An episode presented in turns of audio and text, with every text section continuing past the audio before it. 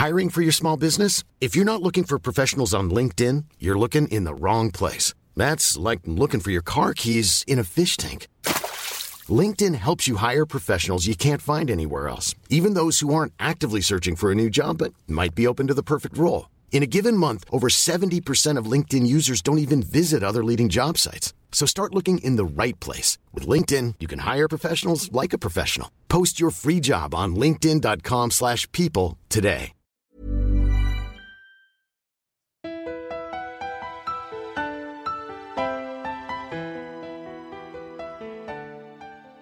Velkommen til nordnorsk historie. Denne gangen så skal vi ta turen til Narvik og Krigshistorisk museum. Der møter vi en ung, fremadstormende historiker. Selv om hun sier at hun ikke er historiker, så er det det det daglige virket er. Og for en kunnskap. Ann-Kristin Kristinsen møter vi i Narvik.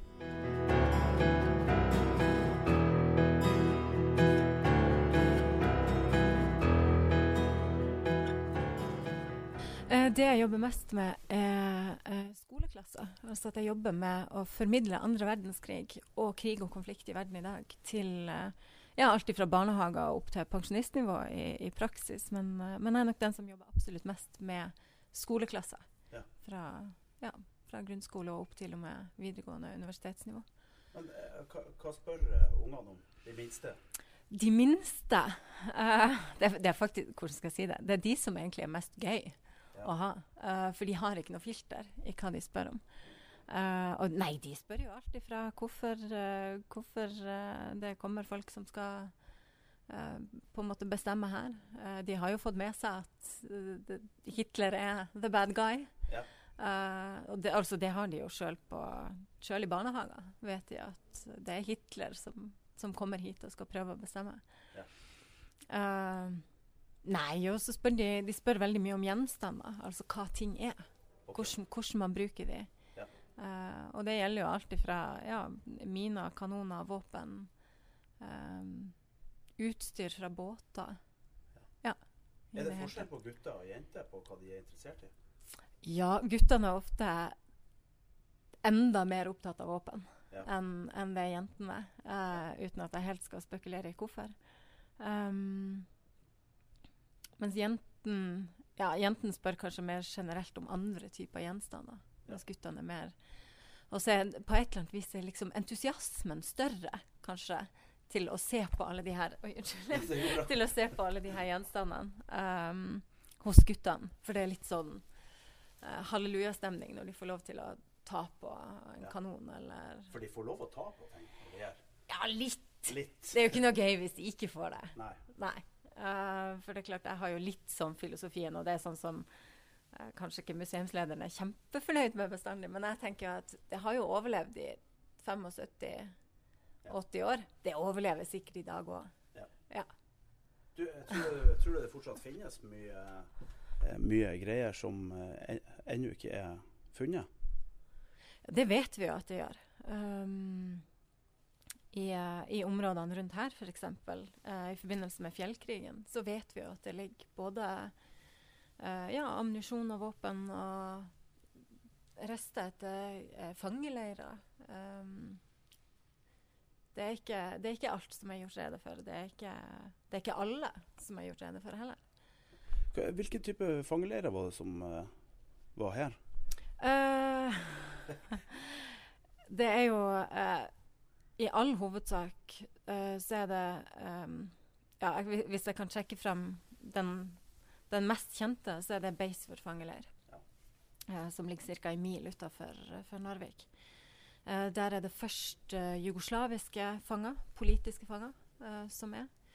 Um, de kom hit eh, i juli eh, 1942. Um, og det er i dødsprosent for de jugoslaviske fangene, så er Beisfjord fangeleir eh, Norges verste. Eh, den har en dødsprosent i løpet av de fire månedene de jugoslaviske fangene er her, på ca. 83 Eh, og Det betyr at de 900 fangene som kommer hit i, i slutten av juli 1942, eh, der dør 748 i løpet av fire måneder. Er det med den ka- katastrofen når de eh, var det, var det tyfus de fikk, eller? Ja, det er jo en, en episode som, eh, som skjer eh, noen uker inn i, eh, i oppholdet. Um, derfor de jugoslaviske politiske fangene er jo De er nederst på rangstigen. De har ingen rettigheter. De, de har ingen, ingen annen funksjon enn at de skal jobbe til de dør. Eh, og det er også beskjeden de får når de, når de kommer til Norge. De skal jobbe til de dør.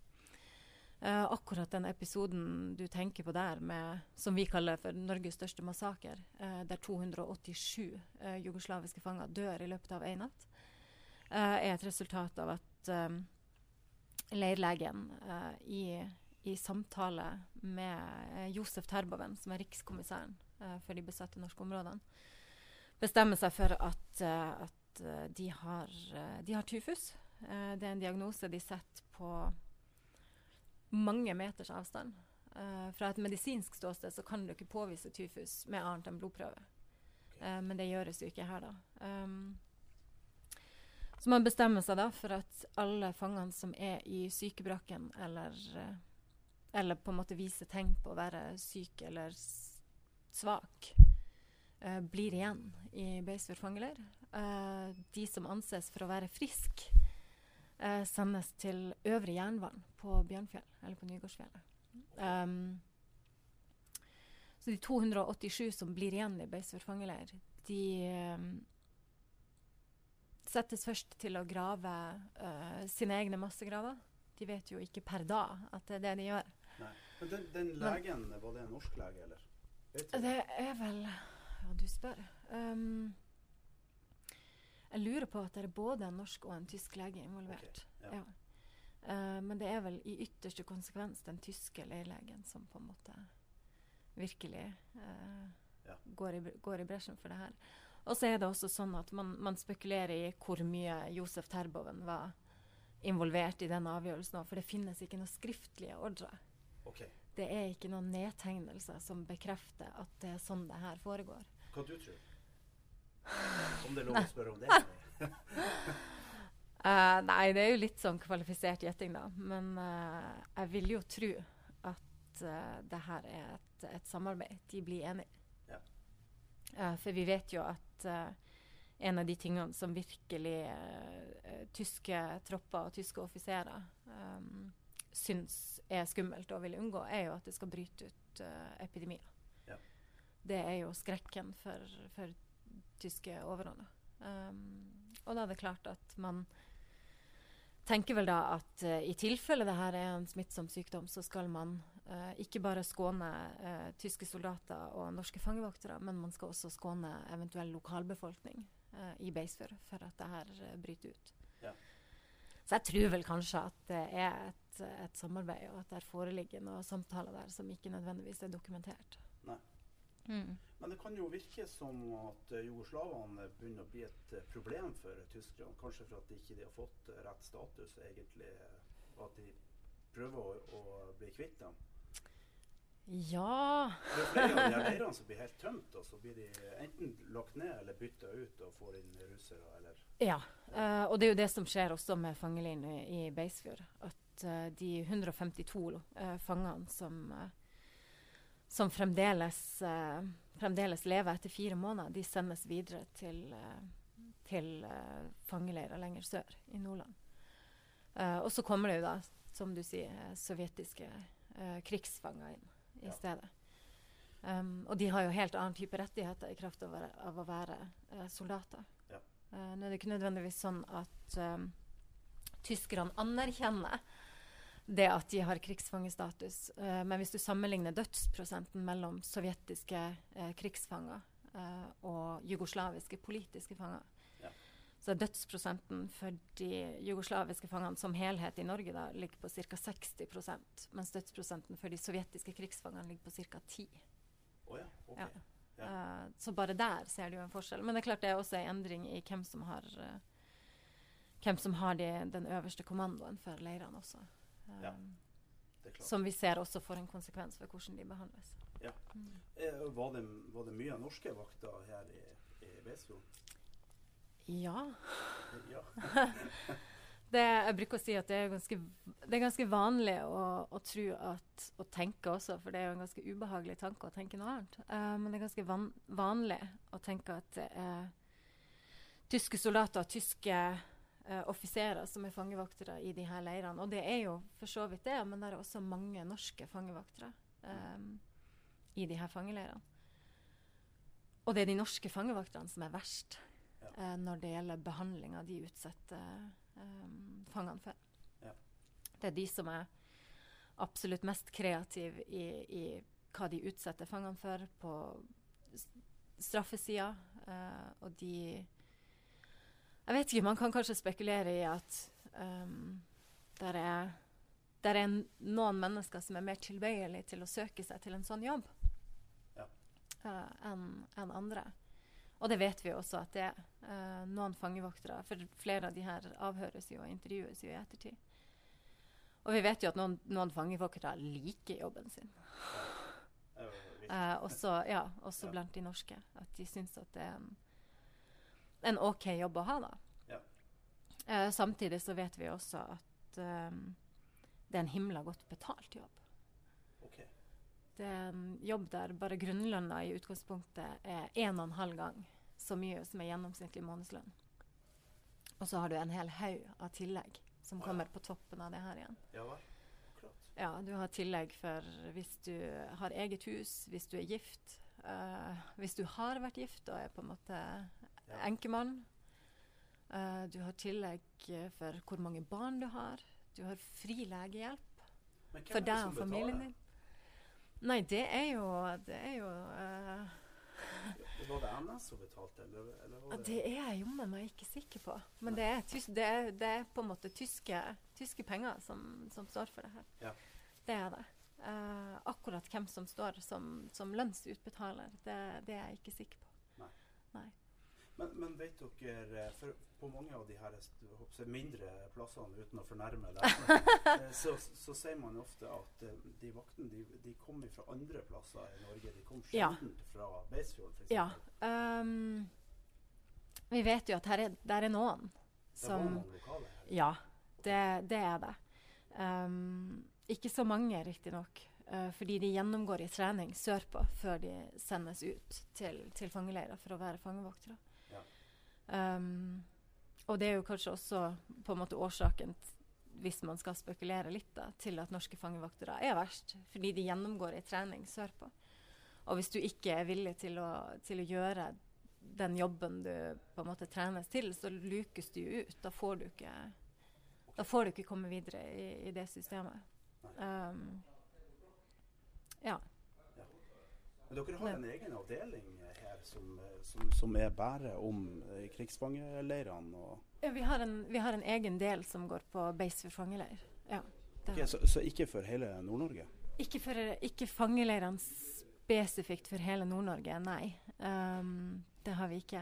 Ja, For jeg så, jeg Men- så han eh, Mikael eh, Stokke? Stokke, ja. Ja. Mikael Stokke. Jeg, tror, jeg trodde det var for hele Nei. Uh, Mikael, uh, Mikael har jo god kontroll på, eh, på akkurat det feltet. Det har han. Uh, så vi har noen deler der vi snakker om det mer uh, generelt, mer som en innledning mot, uh, mot Beisfjord fangeleir. Ja. Eh, men i den fysiske utstillinga så er det tilknytta Beisfjord fangeleir, det som er der. Og så er det også noen Det er noen bilder og også et, en, en ørliten snutt med Mikael Stokke da, som snakker om fangesituasjonen i ja, spesifikt i Nord-Norge, hvis jeg ikke husker feil. Men eh, når, når de eh, jugoslaviske krigsfangene ble, ble bytta ut, ble fangeholdet også eh, Altså fangevokterne, ble de òg bytta ut da? Her, vet du det?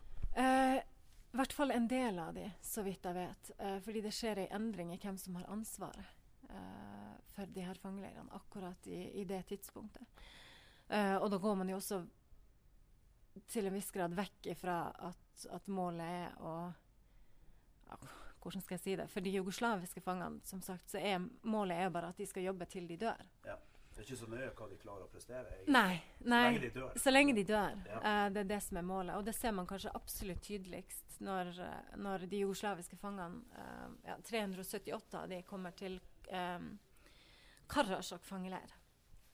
Uh, for der skal, de, der skal, de, bygge vei til finsk side fra Karasjok. Og nestkommanderende i, i leiren der sier at dere kommer hit uh, for å jobbe til dere dør.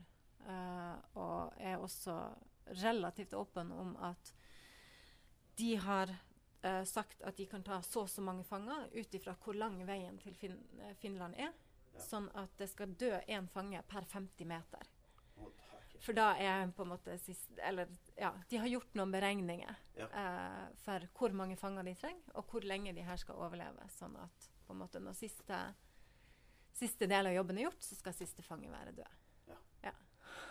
Men du, i, i, på høsten i, i, i 44 så, så brenner de alt i Finnmark, og inkludert fangeleirene. Ja. Og så marsjerer de alle fangene, og de ender opp i Narvik? En del av de gjør det. Ja. Um, og det ser man jo bare på ja, den enorme økninga som er i, i antall fanger i Beisfjord fangeleir når det gjelder de, uh, de sovjetiske fangene, bl.a. Um, for de har jo ikke Beisfjord fangeleir er jo ikke, er ikke laga for å holde det enorme antallet fanger som er, som er ennå opp her. da. Uh, og en del av de. Hvor, mange er det vi snakker om? Uh, ja, du spør. Uh, hvis jeg ikke husker feil, så er det i hvert fall uh, tre eller fire ganger så mange som leiren er beregna for. Ja. Um, I utgangspunktet så er det vel ca. 1300 uh, sovjetiske krigsfanger i Beisfjord fangeleir um, før nedbrenninga skjer. Ja. Uten at jeg husker det nøyaktige tallet for, for, hvor mange de er på det meste høsten 44. Men ble det en endring på den humanitære Nå er vi inne i ditt felt. Når, når, det ble bytta ut til sovjetiske fanger, var det, var det enklere for Røde Kors å, å, komme til da? Ja, altså i, uh, i kraft av det å være krigsfanger, uh, så har du jo rett på uh, Du har rett på å få kommunisere til familien din at, hvor du er, og at du er i live. Uh, du har rett på å beholde klærne du har på deg, altså uh, soldatuniformer. Uh, og du har rett til at Røde Kors skal få lov til å kikke innom og snakke med deg. Um, det er ikke nødvendigvis sånn at den, den, tilgangen skjer så automatisk og i så fine og ordna forhold som det, som det i teorien høres ut som. Um, men, uh, men, vi vet jo at de i større grad får, uh, får hjelp, og de i større grad får, uh, får, tilgang til å også på en måte snike seg til å få, få hjelp fra lokalbefolkning, uh, sammenligna med de jugoslaviske fangene, f.eks. Det ser vi jo bare ut ifra gjenstander de sovjetiske krigsfangene lager for å bytte til seg mat mm. og den type ting. Ja. Um, har, dere del, har, dere en del, sånn russerarbeid her i, i, museet? Ja, det har vi. Vi har jo både små metallbokser, og vi har de her typiske russefuglene. Uh, har vi mange av. Uh, vi har um, esker, smykkeskrin. Um, vi har en, en, en ganske stor lysestake ja. uh, som, står, som, står, utstilt av ei av ei naken dame. Uh, Hvilket materiale er det laga i? Den er laga i tre. Ja. ja. Uh, det, det, jeg stussa litt for at um, jeg laga program om bl.a. Osen leir. og uh, Der på Hemnes krigsmuseum der har de altså et kjempestort bur i bl.a. Tinn. Mm. Som er, er, et såkalt russearbeid. Men er ikke det litt merkelig at de hadde tilgang på sånne ting? og Tyskerne må jo ha visst om det? Ja, Uh, det er det jeg òg tenker. At det kan jo ikke, det kan jo ikke ha vært uh, gått helt uh, under radaren at de, at de lager de her tingene. For det er klart, i utgangspunktet så er de jo laga med, med, lite materialer og lite tilgang på verktøy og, og den type ting. Ja. Um, så, så, de må jo ha visst det. Jeg skulle tro det. Ja. Sigarettetui er jo veldig vanlig. Men ja.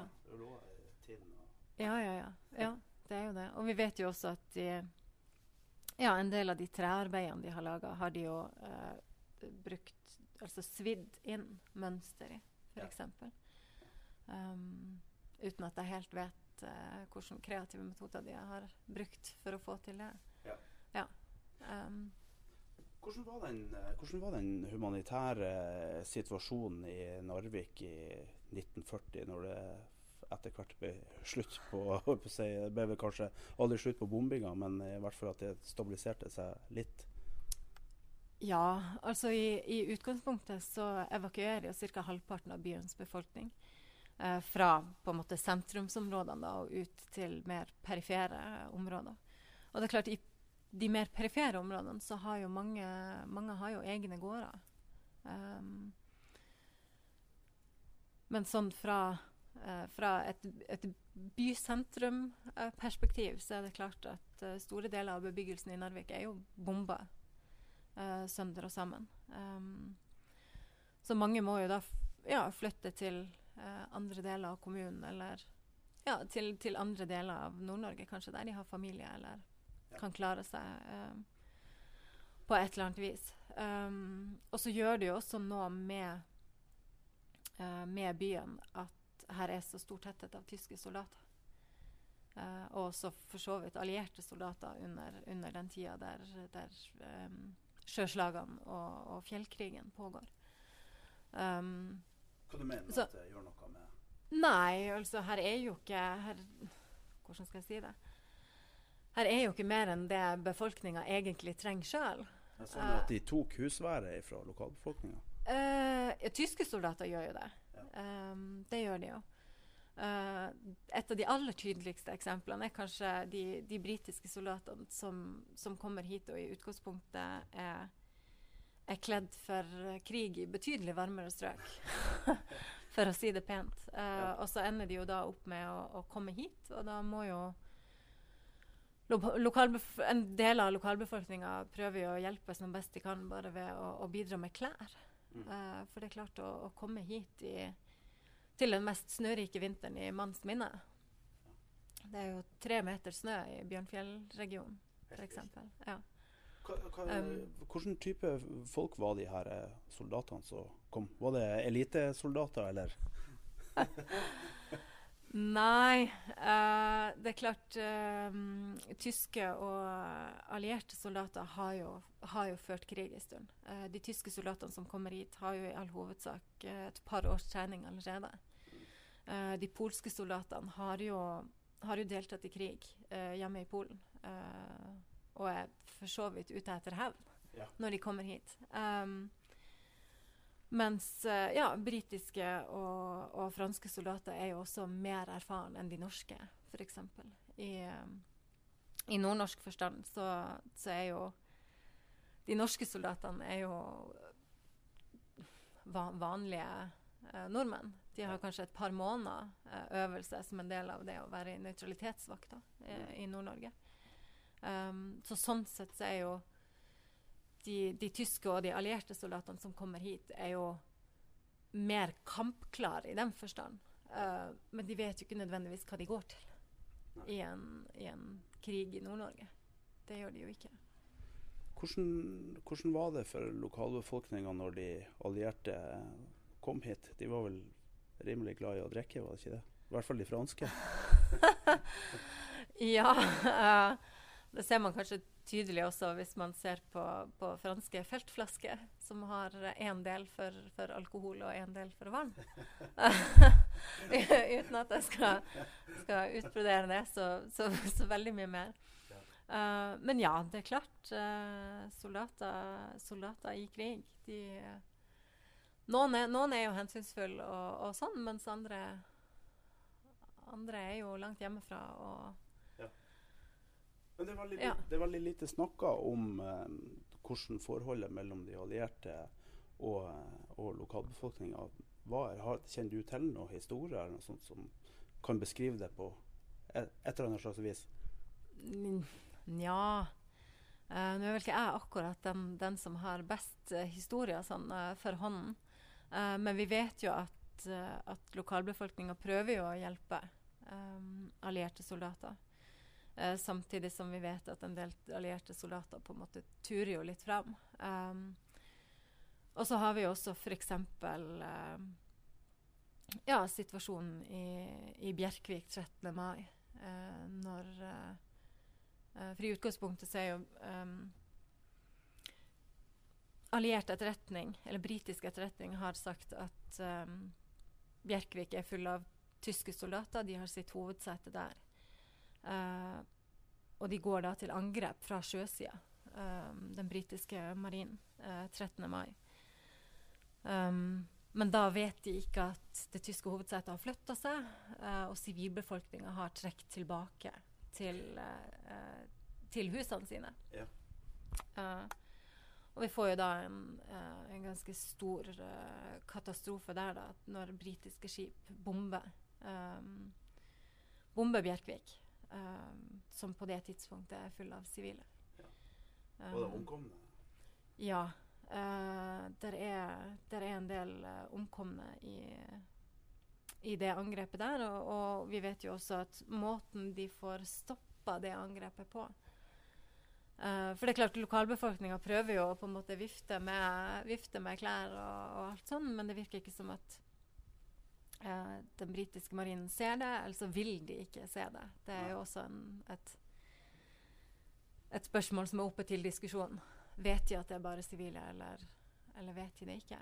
Um, men, hva skulle grunnen være til at de skulle fortsette å bombe? Det er jeg ikke sikker på.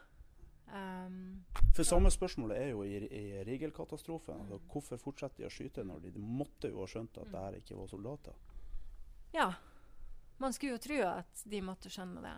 Uh, men i, i, Bjerkvik så stopper de ikke før, før på en måte uh, fa, ja, fedrene i flere familier ror ut i båter og holder opp uh, små unger og roper 'Det er bare sivile her, dere er nødt til å stoppe'. Da først han stopper de. Okay. Ja, uh, det sier de ikke noe om i BBC-dokumentaren. nei, nei, vel. nei. Uh, det er i hvert fall sånn historien er her. At, ja. uh, at de, de, ror ut og holder opp, uh, holder opp ungene. Ja. Og nærmest ber på sine knær om at dere er nødt til å stoppe. Er det litt typisk nordnorsk historie at vi vil ikke rope så høyt om det i ettertid, sånn at folk får lov til å eller andre medier får lage den historien de vil, egentlig? Ja, uh, det er kanskje det.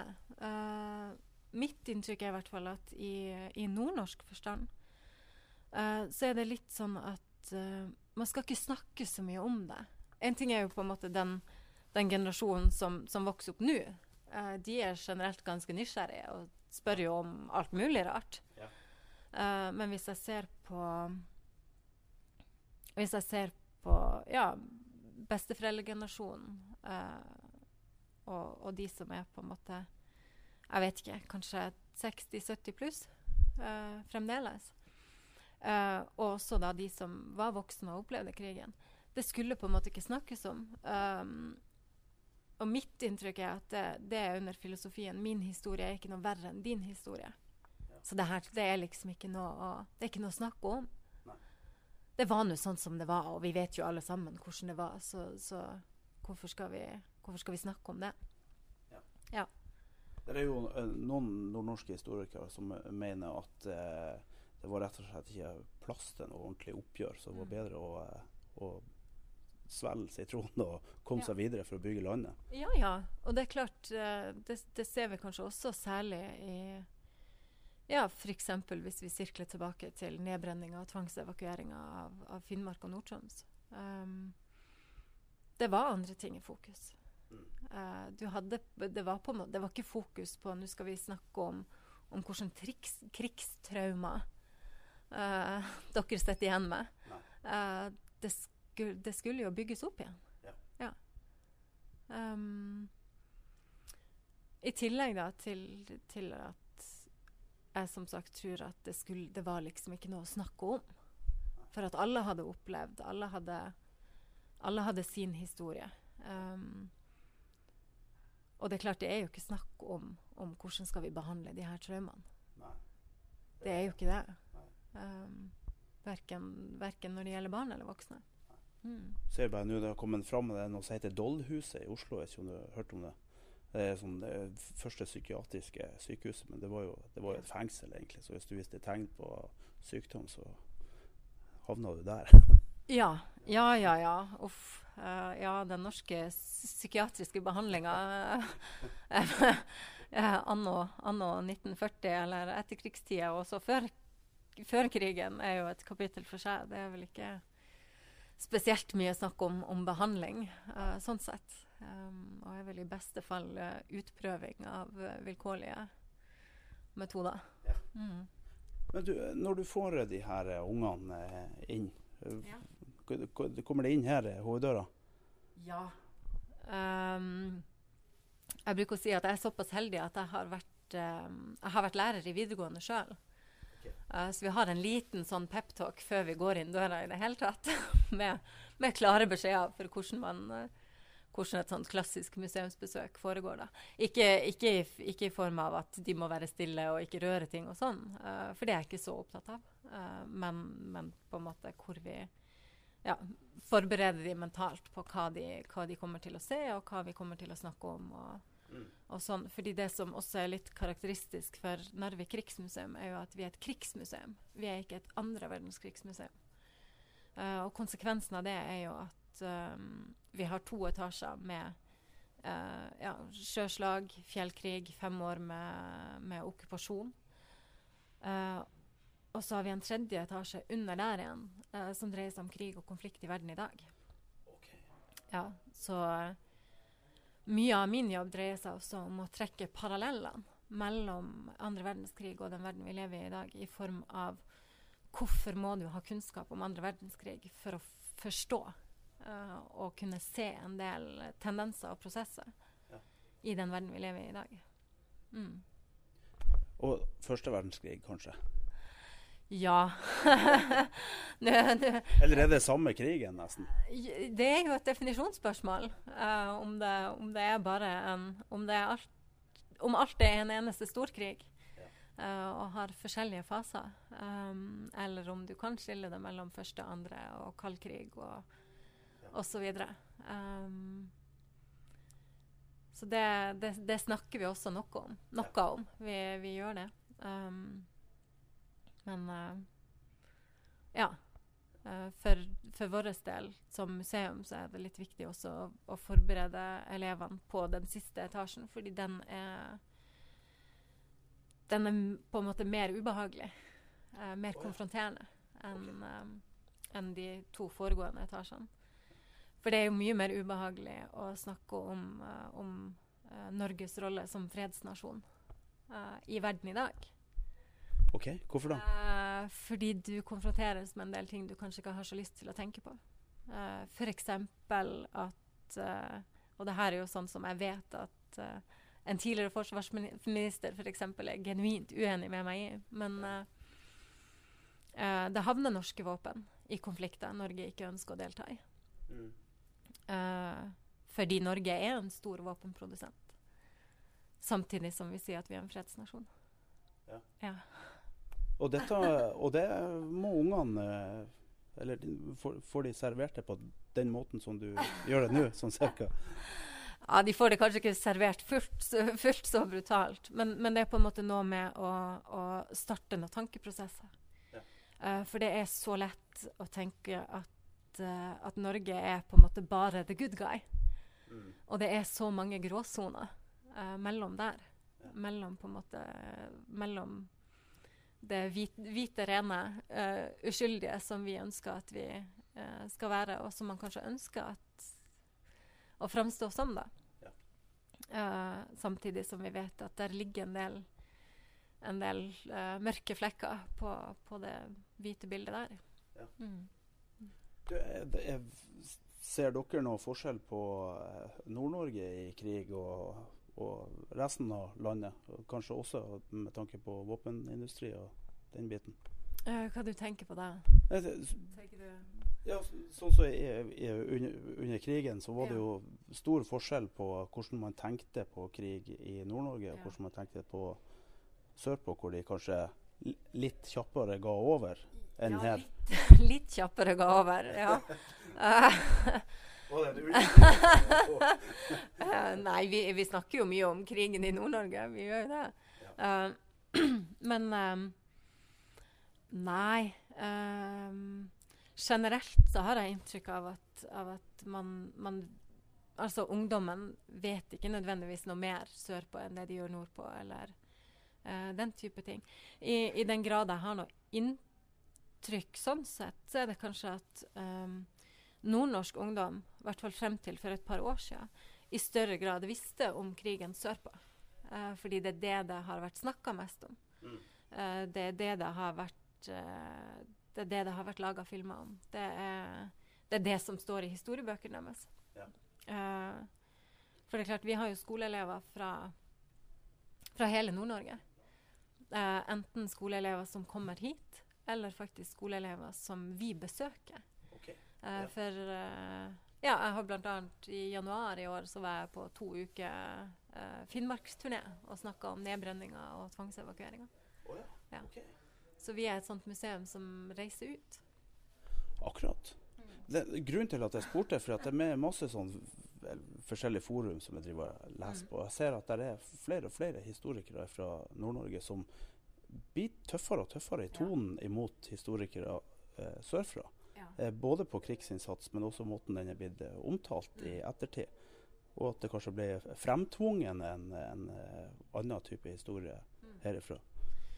Ja, øh, det er det nok. Uh, ja, det, jeg tenker at det sirkler til en viss grad tilbake til det her med at man snakker ikke så mye om krigen i Nord-Norge.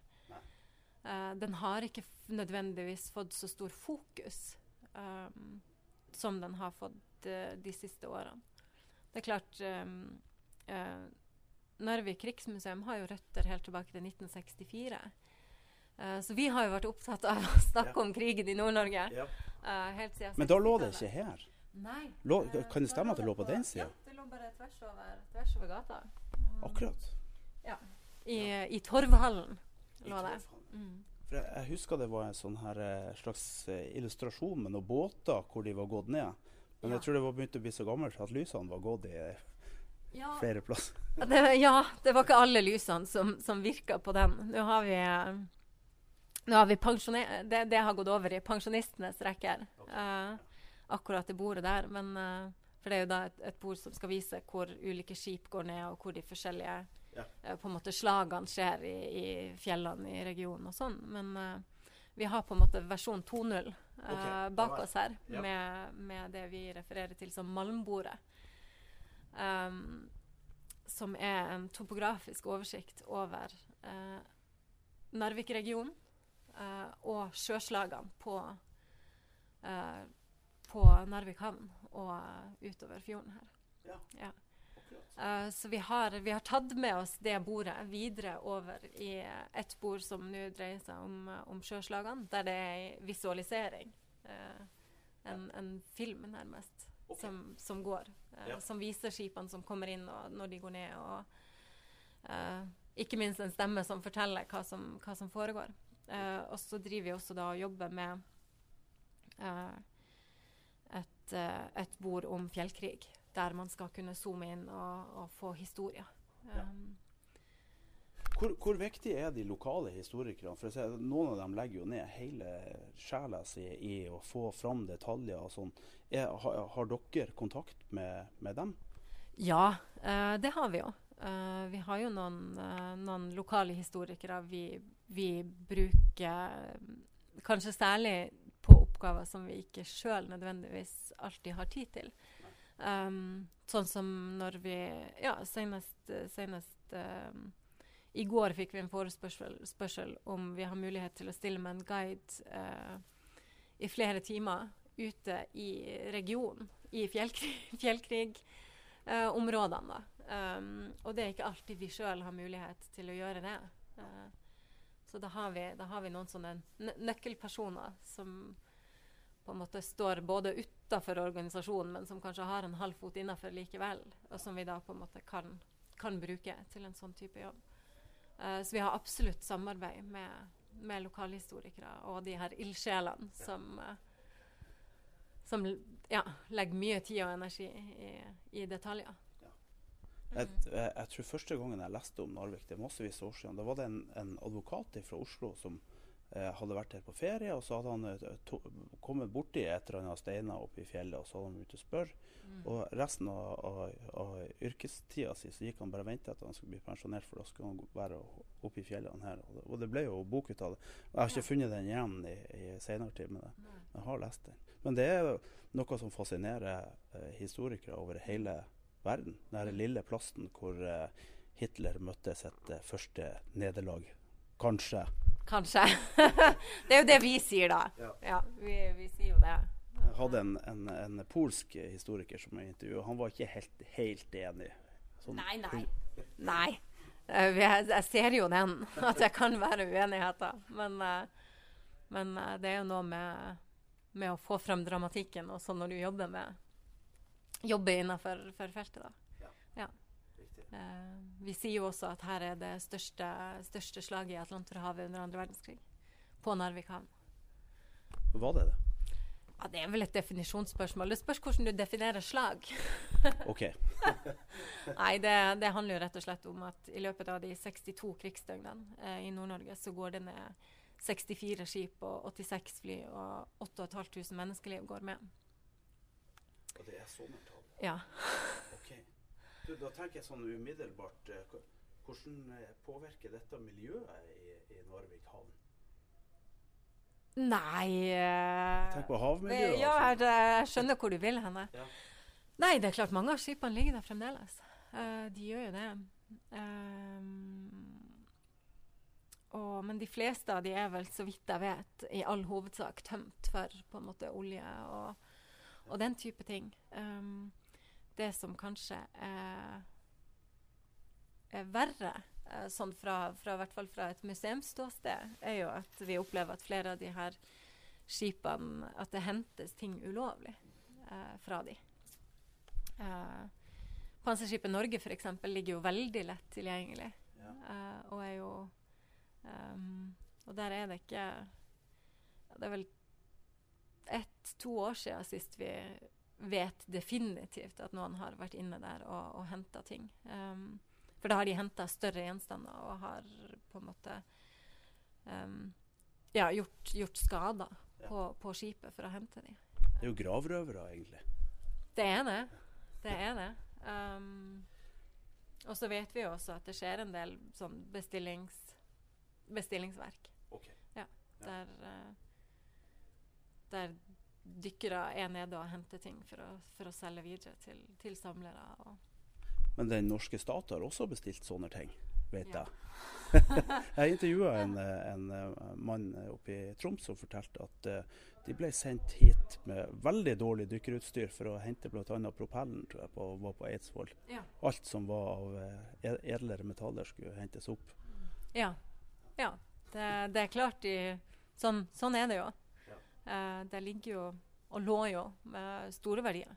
Eh, bare bare ut ifra mengden stål og metall. Eh, det vet vi jo. Tror du det blir henta opp noen gang? Nei. Nei. Det ligger altså. Det tror jeg. At det, det blir nok liggende der, ja. Um, for vi vet jo at det, altså, noen av de skipene det vil kreve så enormt med ressurser. Eh, Ser jo bare nå på Ingstad. ja, ja, ja. Huff a meg. Uh, nei, og, og når det gjelder uh, Narvik havn spesifikt, så er det, det er mudderbunn. Uh, så ting som har, har ligget der eh, i såpass mange år, er ofte eh, vanskelig å hente opp. Det ser vi bare. Vi har ei, ei bronseørn i museet for eksempel, som er henta opp fra Erik Gise. eh, for eh, ja, for en ca. ti års tid siden. Ja, Hvor- ni- hvor den ni-ti år siden. Nei, den lå, lå rett ute i mudderbunnen her. Men, men vet vi hvilket skip den var på? Erik Gise. Ok. Uh, men akkurat den eh, uh, lå skilt eh, såpass langt ifra skipsskroget at det er det er den eneste bronseørna vi har klart å lokalisere av de som sannsynligvis har vært Ja. på Narvik havn. Eh, og den tok dagevis å hente opp. Eh, fordi eh, mudderbunnen på en måte holder på på Ja. det som ligger der. Det, det er ikke massiv f- den er hul, eller? Nei, den er vel massiv, så vidt jeg vet, for den er forferdelig tung. ja. Men uh, den, er- den er litt, uh, litt unik, da, i, ja, i forbindelse med at det er den eneste vi vet eh, Eller har klart å lokalisere. det. Vi regner med at det har vært flere, men at de har sannsynligvis blitt henta opp ulovlig.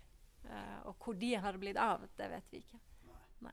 Du, hvilken status har de her vrakene i dag? Uh, det er vel oppe til diskusjon uh, innimellom om de skal fredes, eller om de skal Altså, det, det er ikke fredag. Nei, ikke per nå. Så folk kan hente ting der hvis de vil?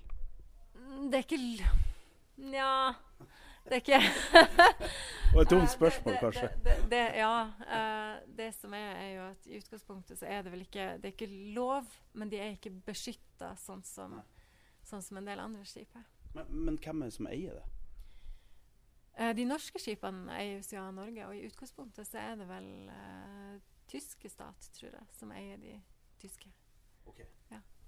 Kan de stilles til ansvar for hvis det skulle bli eh, en, miljø, miljøkatastrofe når Rusta slår gjennom? Å, det vet jeg ikke. Det vet jeg ikke. Det, det er et stykke utafor det jeg vanligvis, vanligvis jobber med, hvis jeg kan si det sånn. Men eh, nei, som sagt, vi, vi er jo ikke overbegeistra når vi oppdager at det har vært folk og henta ting fra, fra skipene. Uh, for det er klart, både fra et museumsståsted, men også fordi det er jo på en måte Det er jo, det er jo graver. Ja. Det er jo Det er Ja, noe for, med for eh, Norge og Eidsvoll det, de har vel status som, som krigskirkegård, har de ikke det? Ja. Uh, så vidt jeg vet, så har de det. Uh, for det er klart også antall, antall mennesker som går ned, uh, særlig på Eidsvoll. Der går jo nesten hele besetninga ned med Ja. skipet.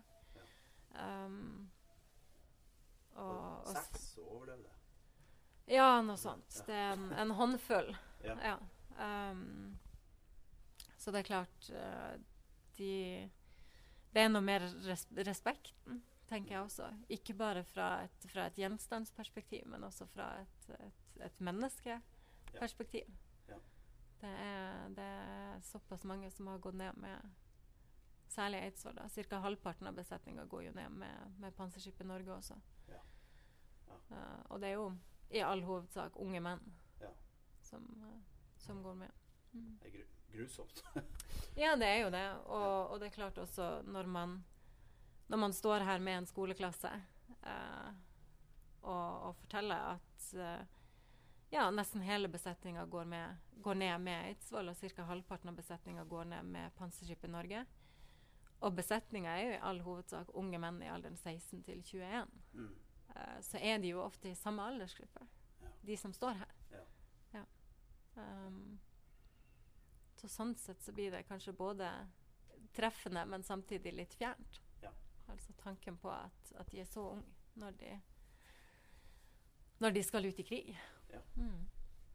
Du, jeg merka en liten sånn overgang, eh, akkurat som at eh, krigen har fått en ny eh, interesse. og eh, nu, Nettopp så var det en eh, Jeg var laga program om, en som fant en leir. Eller de har vel visst at den leiren var der, men eh, de har funnet en del fangekort og sånt, som viser seg at mesteparten av fangene der var fra Ukraina. Mm. Eh, også, men så klarer de altså ikke å, å få spora opp eh, slektninger og sånn.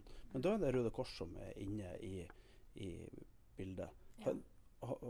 Hender det at dere får kontakt med folk som fortsatt leter etter slektningene sine? Ja, det gjør det. Uh, vi får uh, oftere enn det man skulle kanskje tro, uh, såpass lang tid i etterkant, e-poster fra, fra både innland og utenland. At, ja, der vi får navn, fødselsdato og um, kanskje også fødested, der man lurer på om vi vet noe om de her, eller vi får et navn, og noen har, noen har blitt fortalt at han farfar satt i, satt i fangeleir i eh, Ofoten-regionen, eller om Ja. vi vet noe. Det er klart Noe er det ganske vanskelig å, å finne ut av. Ja. Eh, men vi prøver jo så langt det lar seg gjøre Ja. eh, å, å hjelpe til. Eh, for vi har jo vi har jo store arkiver, eh, både over, over norske sivile som får hjelp via eh, Nasjonalhjelpen f.eks. i området her. Eh, over soldater, eh, krigsfanger eh, Ja, andre typer fanger. Så så langt det lar seg gjøre, så, så prøver vi å, å, besvare de henvendelsene her. Um, så godt vi kan, men det er ikke alltid så lett uh, så lang tid i etterkant. Og det er jo også ofte sånn at man har, man har lite informasjon å gå etter. Ja. ja. Men, uh, men vi, ja, vi har relativt god oversikt. Vi har det. Så det, det lar seg som oftest gjøre å finne noe. Ja. Mm. Du, Hva de sier ungene når de er ferdige her? Nei, det varierer litt. Um, det varierer litt også med hvor lang tid vi har satt av. Um, men for jeg opplever at det er ganske stor forskjell på om, uh, om vi har tatt oss tid til en sånn refleksjon etterpå eller ikke. Fordi det er jo Det er mange, mye, mye å ta inn. Um, på, på kanskje bare en, en, liten time eller en og en halv. Um, så er det, en ting er jo at det er mye informasjon de ikke vet fra før av. Uh, og så får du på en måte også den her uh, Ja, der, der, de konfronteres med en del ting de kanskje ikke har, så, har, hatt, har tenkt på. Uh, F.eks. hvis du sammenligner um, måten enkelte eh, etniske eller religiøse grupper ble behandla på uh, i mellomkrigstid og under andre verdenskrig med, med, etniske eller religiøse grupper i dag. Ja. For det er en del ganske skremmende paralleller. Men her som, lokalt også, da? eller? Ja. ja. Det er jo det. Var det, var det noe, noe, noe utrenskning her i, av, av lokalbefolkninga? Var det jøder, eller eh, Vi hadde vel ikke sigøynere, men tatere, eller? Ja, altså du har jo, du har jo jøder i Narvik òg. Ja. Det er klart du har det. Uh, Som ble senda herifra? Ja. Det er bare av, av de jødene som er i Narvik, der er, der er fire uh, jødiske familier uh, i Narvik. Uh, Fischer-familien, uh, Pikelner, Kaplan og Bernstein. Hvor lenge hadde de vært i Norge? Det varierer litt. Uh, Fischer-familien har jo vært i Norge ganske lenge, så vidt jeg vet. De, jo, altså de er jo en stor familie. Ja. De holder jo til både i Narvik og i Tromsø. Men er, er, det, er det, av tysk herkomst, de, eller? Mm, det er jeg ikke sikker på. Um, jeg lovte å ikke stille for spesifikke spørsmål. Jeg prøvde å holde meg. ja. Uh, nei, det er jeg ikke sikker på. fordi det er ikke nødvendigvis sånn at, uh, at, de Hvordan skal jeg si det? Det er ikke nødvendigvis sånn at man gifter seg innenfor sin egen nasjonalitet. Nei, det er klart. Um, det er et godt poeng. Ja. Um, men av, av Fischer-familien, f.eks., som er den, den, den, som teller flest i Narvik, uh, så er det bare én som overlever. Oh, ja. Ja uh, Abel Fischer. Og han overlever fordi han rømte til Sverige uh, og befinner seg der. Ja. ja vel. Ok. Um, og ja, sammen med Kaplan-familien, der For det er klart massearrestasjonene av, av menn i arbeidsfør alder skjer jo en måned tidligere enn for kvinner og ja. barn og, og ja. eldre. Okay. Um, og det gjør jo at uh, for Kaplan-familien f.eks Uh, så arresteres uh, faren i familien tidligere. Uh, så Sara Kaplan, eh, som de har på det tidspunktet to små barn, hun er opprinnelig dansk statsborger. Okay. Så hun klarer å komme seg til Danmark. Um, men der skjer jo også ei jødeforfølgelse, ja. så hun klarer å, å, rømme derifra og videre til Sverige og befinne seg der under krigen. Okay. Um, men um, her, ja, i, i, byen ligger her snublesteiner ved tre forskjellige bygg uh, over Fischer-familien Kaplan og, og Pikelner. Ja. Uh, så du har jo også jødeforfølgelse her også. Men Bernstein, hva så skjedde med uh, ja, Ber Bernstein sin historie, den, den er den, er, den, er, ganske lang og omstendelig, men de er bare de er et ektepar. De, de gifter seg på nyttårsaften i 1940. ja, eh, så et ungt ektepar. Og så eh, De klarer å ved hjelp av eh, et enormt eh, system av hjelpere, uh, bl.a. Med, med overlegen på Narvik sykehus, eh, Erling Borch Johnsen. Eh, fordi um, Oskar Bernstein er lege sjøl. Okay. eh, klarer de å komme seg over til Sverige eh, i ei plombert eh, togvogn. Ja. Ja. Um, så de berger livet. Ok. Ja. Du, vet du hva at uh, Nå er våre 54 minutter eh, over om akkurat eh, ti, ti sekunder. Tusen hjertelig takk for en uh, altfor kort samtale. Vær så god.